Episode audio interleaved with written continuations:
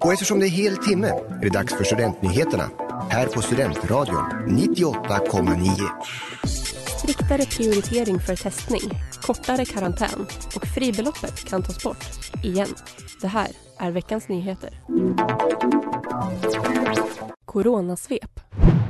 Andelen smittade med covid-19 ligger på fortsatt mycket höga nivåer i länet. Även på Uppsala universitet är det rekordmånga smittade, nästan 200 personer. Det säger säkerhetschef Fredrik Blomqvist till P4 Uppland.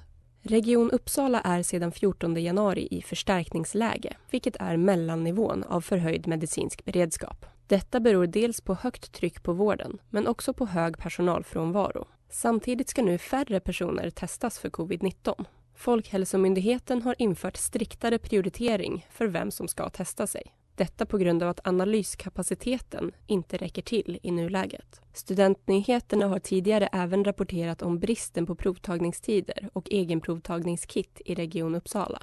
De som ska prioritera att testa sig nu är personer som jobbar inom hälso och sjukvård eller omsorg, personer som inte har möjlighet att jobba hemifrån samt personer som behöver gå i skolan.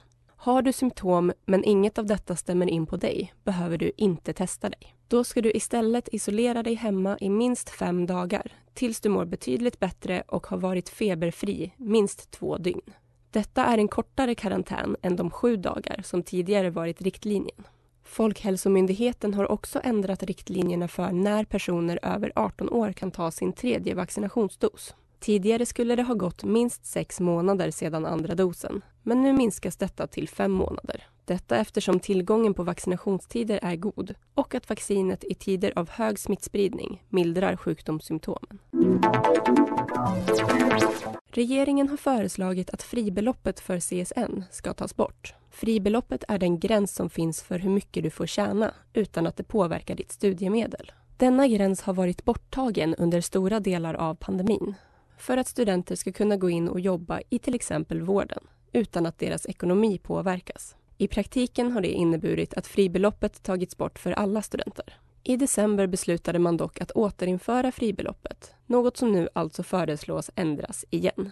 Förslaget att ta bort fribeloppet ingår i en extra ändringsbudget som kommer lämnas till riksdagen för beslut inom kort.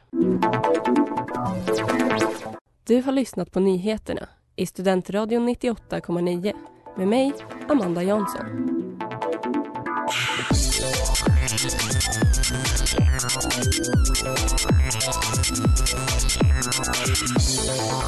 you.